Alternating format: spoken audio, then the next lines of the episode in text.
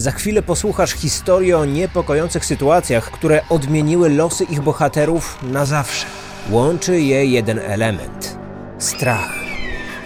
Twoje doświadczenia mogą być cenną lekcją dla innych. Wejdź na stronę strachstory.pl, uzupełnij dostępny tam formularz i wyślij mi swoją prawdziwą historię. Strach Story. Zło czai się wszędzie. Sezon drugi. Odcinek dziesiąty. O włos. Historia nadesłana przez Patryka. Do zdarzenia doszło w lipcu w 2018 roku. Miejsce akcji Strzelce Krajeńskie, województwo lubuskie.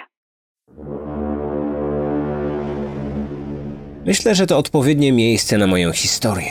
Była noc, bodajże z 7 na 8 lipca 2018 roku. Nieopodal Strzelec Krajeńskich w województwie lubuskim, nad największym jeziorem w okolicy, odbywało się wtedy święto kolorów. Wybrałem się tam razem ze znajomymi. Byliśmy na wszystkich koncertach, a kiedy już się skończyły, przenieśliśmy się do parku. Tam spotkałem pewnego gościa, którego znałem już wcześniej z widzenia, ale nie spodziewałem się, że jest psychopatą. Siedział tuż obok nas, z dziewczyną. Wymieniliśmy nawet kilka zdań. Stężenie alkoholu w jego krwi wzrosło na tyle, że gdy ona chciała jechać do domu, próbował zatrzymać ją w naprawdę agresywny sposób. Nie toleruję absolutnie agresji w stosunku do kobiet, więc musiałem wtrącić swoje trzy grosze. Rzuciłem coś w stylu: Ej, gościu, zostaw ją, przecież widzisz, że cię nie chcę. Może powiedziałem to zbyt ostro? Ale też nie byłem trzeźwy i specjalnie nie zastanawiałem się, w jaki sposób się odezwałem. O dziwo to pomogło. Gość usiadł na betonowym murku ze spuszczoną głową, posiedział tak z minutę, po czym wstał i odszedł w stronę miasta. W parku oprócz nas były tłumy ludzi. Minęło jakieś 10 minut i nagle wszyscy zaczęli krzyczeć do mnie: Patryk, uciekaj! Obróciłem się i zobaczyłem przed sobą tego gościa. Trzymał w ręku metalowy toporek survivalowy. W jednej chwili wytrzeźwiałem i zerwałem się z ławki, ale zbyt dużo to nie dało, bo on już zdążył się zamachnąć. Przeciągnął mi ostrzem po szyi, przeciął mięsień szyjny i ścięgno. Rozłupał mi staw mostkowo-obojczykowy. Po kontuzji z dzieciństwa mam źle zrośnięty obojczyk i to w sumie uratowało mnie przed poderżnięciem gardła. Pamiętam, że upadłem na ziemię, a gościu znów się zamachnął, tym razem celując w głowę. Na szczęście mój znajomy wkroczył do akcji i udało mu się odepchnąć napastnika. Gdyby nie ta interwencja, pewnie skończyłbym z dziurą w głowie. Na koniec oberwałem jeszcze cios w plecy i gość rozwalił mi łopatkę. Potem wyrzucił toporek i uciekł. Po chwili odzyskałem przytomność. Znajomi ułożyli mnie w bezpiecznej pozycji pod latarnią. Chyba do końca życia nie zapomnę tego uczucia. Jakby mnie ktoś polewał ciepłą wodą i widoku koszulki, która czerwienieje od góry w dół. Do tego ogromny smutek, że umieram, a mam zaledwie 19 lat. Przeżyłem, ale chyba wykorzystałem wtedy limit szczęścia na całe życie. Całe zdarzenie miało miejsce może kilometr od pogotowia. Policja również była w pobliżu. Karetka, jedna na wiele miejscowości, była akurat na miejscu. Od razu uzyskałem fachową pomoc. Bardzo szybko przetransportowano mnie do szpitala. Lekarze prawie 6 godzin walczyli o moje życie. Straciłem półtora litra krwi. Chirurg później powiedział mojej mamie: Proszę sobie wziąć najcieńszy włos z głowy.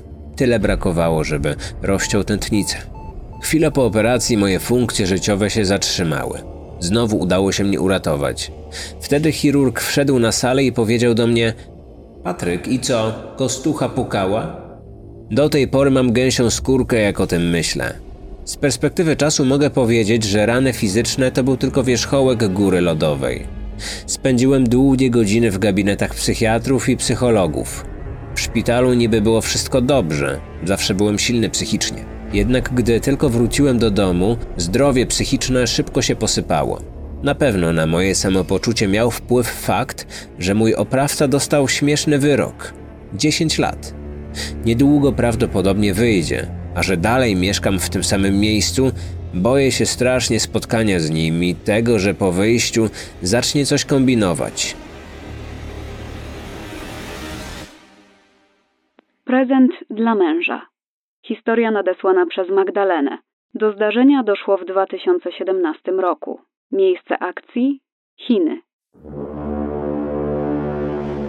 W 2017 roku wyjechałam do Chin do pracy. Podekscytowana Azją, nową kulturą i zapachami z ulicznych straganów, wkroczyłam w małe miasto położone w prowincji Sichuan. Wtedy nie znałam jeszcze chińskiego, dlatego chętnie spędzałam czas z osobami, które chociaż trochę mówiły po angielsku. Ucieszyłam się, kiedy Chinka o imieniu Sara zaczepiła mnie w sklepie i powiedziała, że jest nauczycielką języka angielskiego. Okazało się, że jej mąż również potrafi mówić po angielsku, bo spotkali się, kiedy studiowali w Stanach. Zaczęliśmy spędzać czas razem. Chodziliśmy na obiady, do kina, na urodziny znajomych, a z Sarą do spa i na paznokcie. Po jakichś dwóch, trzech miesiącach znajomości Sara zaprosiła mnie do siebie do domu na wino. Film, dziennik Bridget Jones i plotki, bo jej mąż jechał gdzieś na spotkanie biznesowe. Przyjęłam jej zaproszenie bez mrugnięcia okiem. Przecież w Polsce też chodziłam do koleżanek na filmy i plotki nocowałam u nich. Wieczór spędziłyśmy bardzo miło. Zamówione jedzenie z dobrej restauracji, wino i film. Po pierwszej butelce wina podziękowałam za kolejny kieliszek. Czułam, że Sara bardzo nalegała, żebym dalej piła. Kiedy siedziałyśmy i rozmawiałyśmy, wrócił jej mąż. Był bardzo pijany. Zataczał się, nie był w stanie odłożyć kluczy na miejsce. Wylał wodę, którą zatroskana żona mu podała. Sara pomagała mu położyć się spać, a ja w tym czasie się wykąpałam. Następnie powiedziałyśmy sobie dobranoc i poszłam spać do pokoju gościnnego. Obudziło mnie głaskanie po twarzy. Przestraszona od razu wstałam. Mam wadę wzroku, a moje okulary leżały na stoliku obok, dlatego nie widziałam na początku, kto jest w moim pokoju. Po założeniu okularów zobaczyłam męża koleżanki. Stał nago i był bardzo namolny. Zaczęłam mówić do niego po angielsku rzeczy w stylu: Co ty robisz? To nie twoja sypialnia, wracaj do swojego łóżka. On zaczął opowiadać, jaka jestem piękna i wyznał, że zawsze chciał przeżyć miłosne zbliżenie z Europejką. Na moje hasło: Twoja żona jest za ścianą. Odpowiedział, że zawsze możemy iść do hotelu. Absolutnie nie o to mi chodziło. Nie wiem w jaki sposób go przegoniłam, czy mówiłam po angielsku, czy po polsku. Byłam przerażona. W końcu wyszedł. Zabrałam swoje rzeczy i wybiegłam z ich mieszkania. Pojechałam do innej koleżanki, było jakaś druga w nocy. Cała się trzęsłam z emocji, przerażenia i poczucia zagrożenia. Kiedy koleżanka otworzyła drzwi, była bardzo zaspana i zdziwiona, że ktoś do niej przyszedł o takiej godzinie. A ja rozpłakałam się. Długo nie mogłam się uspokoić. Po kilku godzinach rozmowy doszłyśmy do wniosku, że Sara naszykowała mnie dla męża. Pewnie plan był taki. Sara mnie upije, wróci jej mąż i spełni swoją fantazję. Ogólnie mówię bardzo głośno. Jestem osobą, którą słychać bardzo wyraźnie z większej odległości. Nie jest to możliwe, żeby Sara za ścianą nie słyszała, jak rozmawiam z jej mężem. Może leżała w łóżku i cieszyła się, że jest dobrą żoną. Następnego dnia nawet się do mnie nie odezwała. Nie wyobrażam sobie, że śpi u mnie koleżanka, budzę się i jej rano nie ma w łóżku, a ja nawet do niej nie napiszę, co się stało. Od tego czasu nie nocuję u ludzi w domu, zawsze wracam do siebie.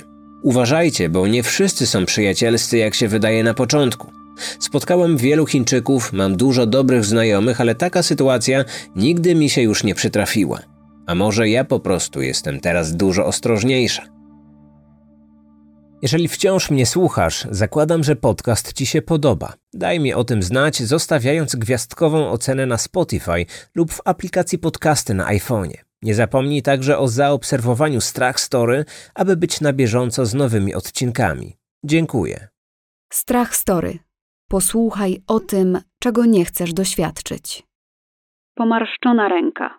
Historia nadesłana przez słuchaczkę, która chce pozostać anonimowa. Do zdarzenia doszło latem w 2021 roku. Miejsce akcji okolice Elbląga. Mieszkałam wtedy w małej wsi niedaleko Elbląga. W roku szkolnym przez problem z dojazdami moim znajomym było ciężko mnie odwiedzić, ale sprawa wyglądała inaczej w wakacje. W wolne dni dało się złapać autobus o sensownej godzinie. Moja mama i mój młodszy brat planowali wyjazd na weekend do cioci mieszkającej w Elblągu. Nie było mi na rękę spędzanie całego weekendu z dużo młodszym kuzynostwem. Poprosiłam mamę o pozwolenie na zostanie w domu i zaproszenie mojej przyjaciółki na noc. Mama nie miała powodu, żeby się nie zgodzić. Z przyjaciółką bardzo cieszyłyśmy się, że spędzimy razem trochę czasu. Wieczór mijał nam na rozmowach i oglądaniu filmów. Nic specjalnego się nie działo. Wszystko zmieniło się, gdy zapadła noc. Siedziałyśmy w kuchni i nagle usłyszałam kogoś na klatce. To było takie dziwne drapanie i stukanie, coraz głośniejsze. Najpierw pomyślałam, że to jakiś pies czy kot wrócił z podwórka. W bloku wszyscy się znaliśmy. Wypuszczaliśmy nasze zwierzęta same na spacer po osiedlu. Mój pies też często wychodził sam i zawsze wracał. Po chwili słychać było męski głos, który mówił coś bardzo niewyraźnie. Byłam przekonana, że to mój tata wrócił szybciej z delegacji i zapomniał mnie o tym uprzedzić. Często się to zdarzało. Nie wiem czemu nie pomyślałam o tym, żeby spojrzeć przez wizjer. Światło na klatce od dłuższego czasu nie działało i w sumie niewiele bym zobaczyła. Otworzyłam. Mój pies wbiegł do domu i jakoś tak pomyślałam, że pewnie wrócił z moim tatą. Wtedy z ciemnego korytarza do mieszkania wsunęła się ręka. Strach mnie sparaliżował. Przez chwilę nie wiedziałam, co robić. Ręka, którą widziałam, była duża i pomarszczona. Z pewnością nie należała do mojego taty. Po chwili oprzytomniałam i gwałtownie spróbowałam przymknąć drzwi. Osoba za drzwiami zrobiła krok w stronę mieszkania i już prawie była w środku. Wtedy zobaczyłam twarz obcego mężczyzny. Był to starszy facet na oko po pięćdziesiątce. Był wściekły. Po krótkiej chwili zapytał: Jest mama? Zgłupiałam. Nie wiedziałam, co powiedzieć. Bałam się, po prostu powiedziałam prawdę, że mamy nie ma. Wtedy usłyszałam kolejne pytanie: Mogę wejść i się przespać? Nie wiedziałam już, co robić. Byłam zestresowana i wystraszona. Odpowiedziałam chyba najdziwniejszą rzecz, jaką mogłam. Nie wiem czemu, powiedziałam po prostu: Nie, dziękuję. I zatrzasnęłam drzwi. Upewniłam się, że drzwi są zamknięte na cztery spusty. Odwróciłam się i zobaczyłam moją przyjaciółkę, która była przerażona. Starałyśmy się uspokoić. Po godzinie usłyszałyśmy szarpanie za klamkę i napieranie na drzwi. Stwierdziłyśmy, że najlepiej będzie w ogóle nie reagować i udawałyśmy, że już śpimy. Po jakimś czasie, gdy już faktycznie położyłyśmy się do łóżek, usłyszałyśmy odgłosy, jakby pod drzwiami spał duży pies. Wspólnie uznałyśmy, że to możliwe, że ten dziwny facet po prostu położył się pod drzwiami i śpi. Mimo tej świadomości, jakoś udało nam się zasnąć. Rano obudził nas mój tata, który wrócił z delegacji. Zapytałam go, czy może widział tego faceta na klatce albo gdzieś w okolicy, ale gdy wracał, nikogo już pod drzwiami nie było. Kiedy mu wszystko opowiedziałam, był w szoku. Zapytał, czemu nie wezwałam policji albo nie zadzwoniłam do niego czy do mamy. Szczerze to nie mam pojęcia i sama też się zastanawiam, dlaczego nie dałam nikomu znać, co się dzieje. Do dzisiaj nie mam pojęcia, kim był ten mężczyzna i czego tak naprawdę chciał. Sanki. Historia nadesłana przez Krzysztofa. Do zdarzenia doszło zimą w 1990 roku. Miejsce akcji Bielsko-Biała. Moja mama samotnie mnie wychowywała. Mieliśmy trudną sytuację materialną i mieszkaniową. W tamtym czasie mama pracowała na trzy zmiany w fabryce. Z tego powodu, od poniedziałku do piątku, byłem pod opieką mojej babci, która mieszkała na jednym z bliskich osiedli. Wychowywałem się na tym osiedlu, chodziłem tam do przedszkola, zerówki i później do szkoły. To tam poznałem pierwszych kolegów. Bardzo lubiłem spędzać tam czas, bo moja babcia na wszystko mi pozwalała. Tak było również pewnego zimowego wieczoru. Pamiętam, że miałem wtedy 8 lat. Historia, która się wtedy wydarzyła, pozostała w mojej pamięci do dzisiaj. Po powrocie ze szkoły, babcia jak zwykle postawiła przede mną talerz z obiadem, a w międzyczasie swoim zwyczajem wypytywała mnie o zajęcia w szkole, moje zachowanie i oczywiście zadanie domowe. Zaraz po obiedzie musiałem wyciągnąć wszystkie zeszyty i wraz z babcią rozwiązywałem pracę domową. Niechętnie to robiłem. Myślami byłem już z kolegami z klasy i bawiłem się na śniegu. Po zamknięciu ostatniego zeszytu i spakowaniu plecaka, od razu włożyłem na siebie kurtkę, czapkę, rękawiczki i wybiegłem na zewnątrz. Zabrałem ze sobą sanki. Zabawa z chłopakami w tym wieku to chyba dla każdego dzieciaka największa frajda. Po zbudowaniu różnych konstrukcji typu bałwan i iglo, znudzeni przerzucaniem śniegu, poszliśmy na pobliską górkę pojeździć na sankach. Zabawa trwała do zmierzchu, a zimową porą, wiadomo, dzień szybko się kończy. Niewielka górka znajdowała się tuż obok bloku. Stanowiła idealną, kilkudziesięciometrową zjeżdżalnię. Czasy były takie, że rodzice po prostu wołali z balkonu swoje dzieci, krzycząc ich imiona. Towarzystwo na zjeżdżalni wykruszało się. Moja babcia też parokrotnie wykrzyczała moje imię, ale mnie zawsze udało się wynegocjować kilka dodatkowych minut na zabawę. Kiedy na stoku zostałem już całkiem sam, wiedziałem, że zaraz muszę wracać do domu. Chciałem wykorzystać ostatnie chwile maksymalnie. Kiedy wciągnąłem na szczyt górki sanki, ponownie usłyszałem głos nawołujący moje imię. W planie miałem już tylko zjechać w dół i wracać do domu. Siadłem na sanki i już miałem się odepchnąć, kiedy drogę zagrodził mi obcy mężczyzna. Stanął przede mną i w dość kulturalny sposób zapytał mnie o konkretny adres. Oczywiście wiedziałem, gdzie to jest. Wskazałem blok, który wystawał ponad czubki drzew, gdzieś w oddali osiedla. Mężczyzna stał w mroku i nie widziałem jego twarzy. Niczym szczególnym się nie wyróżniał, poza tym, że jedną rękę trzymał cały czas w kieszeni. Drugą ręką wskazał jakiś kierunek i zapytał, czy to właśnie ten adres. Wstałem z sanek i ponownie wskazałem mu prawidłowy blok. Mężczyzna powtórzył poprzedni gest, udając, że totalnie nie orientuje się w terenie. Kiedy ponownie postanowiłem wskazać kierunek, zapytał mnie, czy mogę go kawałek podprowadzić, bo nie jest stąd i na pewno się zgubi. Mając na uwadze, że cierpliwość mojej babci zaraz się skończy, odpowiedziałem, że nie mogę, bo muszę wracać do domu. Mężczyzna ponowił swoją prośbę, obiecując, że nawet nie będę musiał iść na nogach. Mam wsiąść na sanki, a on mnie pociągnie. Niechętnie się zgodziłem, zaznaczając po raz kolejny, że podprowadzę go tylko do mojego bloku. Zapytał, który to blok. Wskazałem mu palcem, gdzie mieszkam i usiadłem na sankach, zdając się na łaskę nieznajomego. Bardzo szybko zwróciłem uwagę, że moją klatkę już minęliśmy i dalej musi sobie radzić sam. Ale mężczyzna ciągnął sznurek i udawał, że mnie nie słyszy. Kiedy mijaliśmy ostatnią klatkę mojego bloku, zacząłem podejrzewać, że coś tutaj nie gra. Zapomniałem o złości babci, bałem się o własne bezpieczeństwo. Pomimo młodego wieku, niejednokrotnie potajemnie przez pół otwarte oczy, udając już, że śpię, wpatrywałem się w ekran telewizora, kiedy to mama lub babcia oglądały magazyn kryminalny 997. Chociaż się zawsze bałem przedstawianych tam historii, nie sądziłem, że podobna sytuacja może przydarzyć się mnie. Tego wieczoru bałem się tak bardzo, że drżącym głosem zapytałem mężczyznę, dokąd idziemy? Nic nie odpowiadał. Szedł przed siebie, chociaż już dawno minęliśmy ostatni blok na tym osiedlu. W oddali były już tylko sady, nieużytki rolne i rzeka.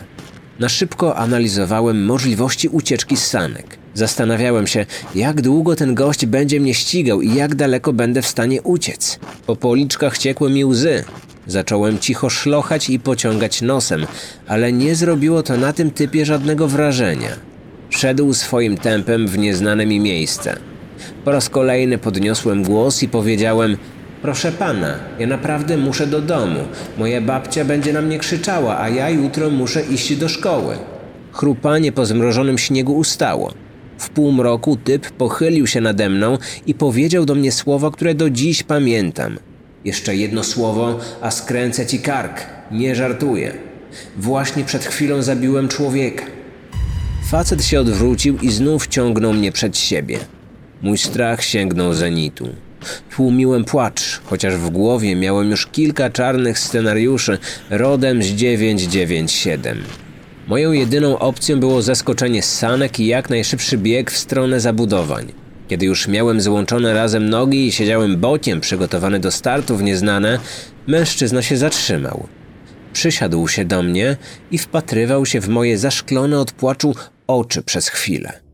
Ta chwila to moment, w którym napiąłem mięśnie szyi, aby jak mi się wtedy wydawało, uniemożliwić mu skręcenie mi karku.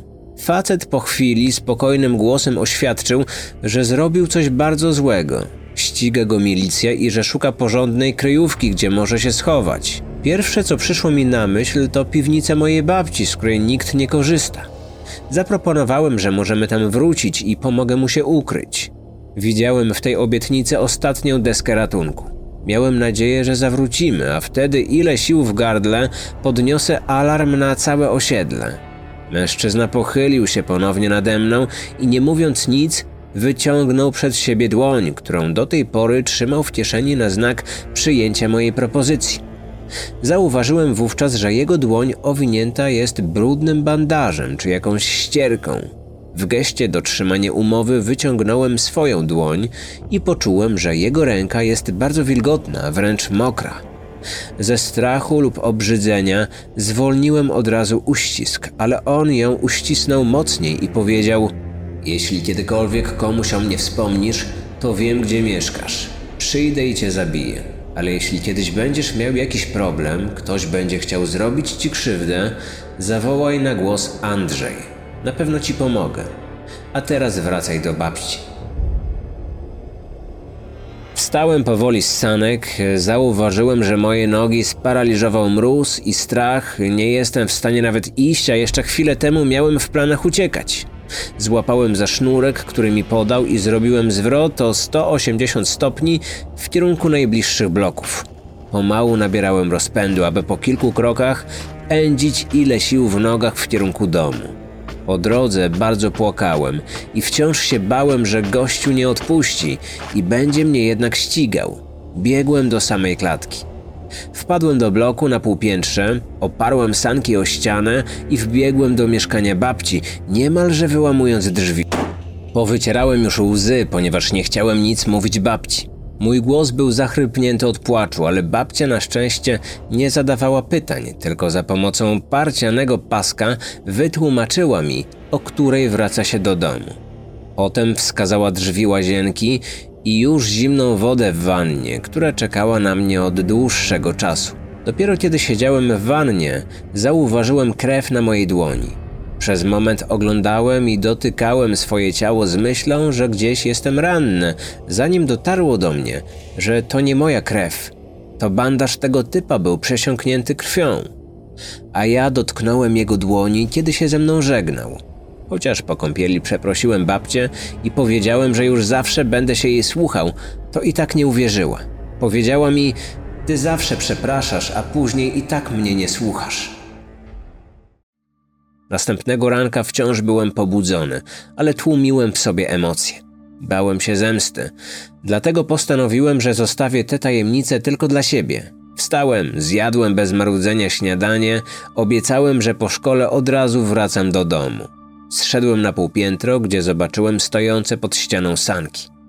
Moją uwagę zwrócił parciany biały pasek, który był pokryty dużą ilością zaschniętej czarnej krwi. Po szkole go odciąłem i wyrzuciłem do kosza. Do dzisiaj nigdy nie opowiedziałem nikomu tej historii. Nie wiem, jak zareagowaliby moi bliscy, rodzina, znajomi. Analizowałem nawet, dlaczego nie powiedziałem tego mojej babci. Zapewne dlatego, że powiedziałaby mi, że wymyślam głupie usprawiedliwienia na spóźnienie. A może by mi uwierzyła? Czasem wracam wspomnieniami do tamtej zimy i zastanawiam się, czy może gdybym wszystko opowiedział babci, to ta historia mogłaby się skończyć inaczej? Może milicja wszczęłaby poszukiwania i Andrzej zostałby ujęty? A może wtedy wyjaśniłaby się jakaś mroczna tajemnica z początku lat dziewięćdziesiątych? Tego już się nie dowiem. Jeżeli chcesz podzielić się ze mną i słuchaczami własnymi wspomnieniami, możesz wysłać swoją historię przez formularz na strachstory.pl. Możesz mnie także znaleźć na Instagramie pod nazwą Marcin Myszka 1, gdzie zdradzam szczegóły związane z realizacją moich podcastów. Zaobserwuj mój profil, aby być na bieżąco. Historie przedstawione w podcaście pochodzą od słuchaczy, a twórca podcastu polega na zapewnieniach słuchaczy o ich oryginalności i rzetelności.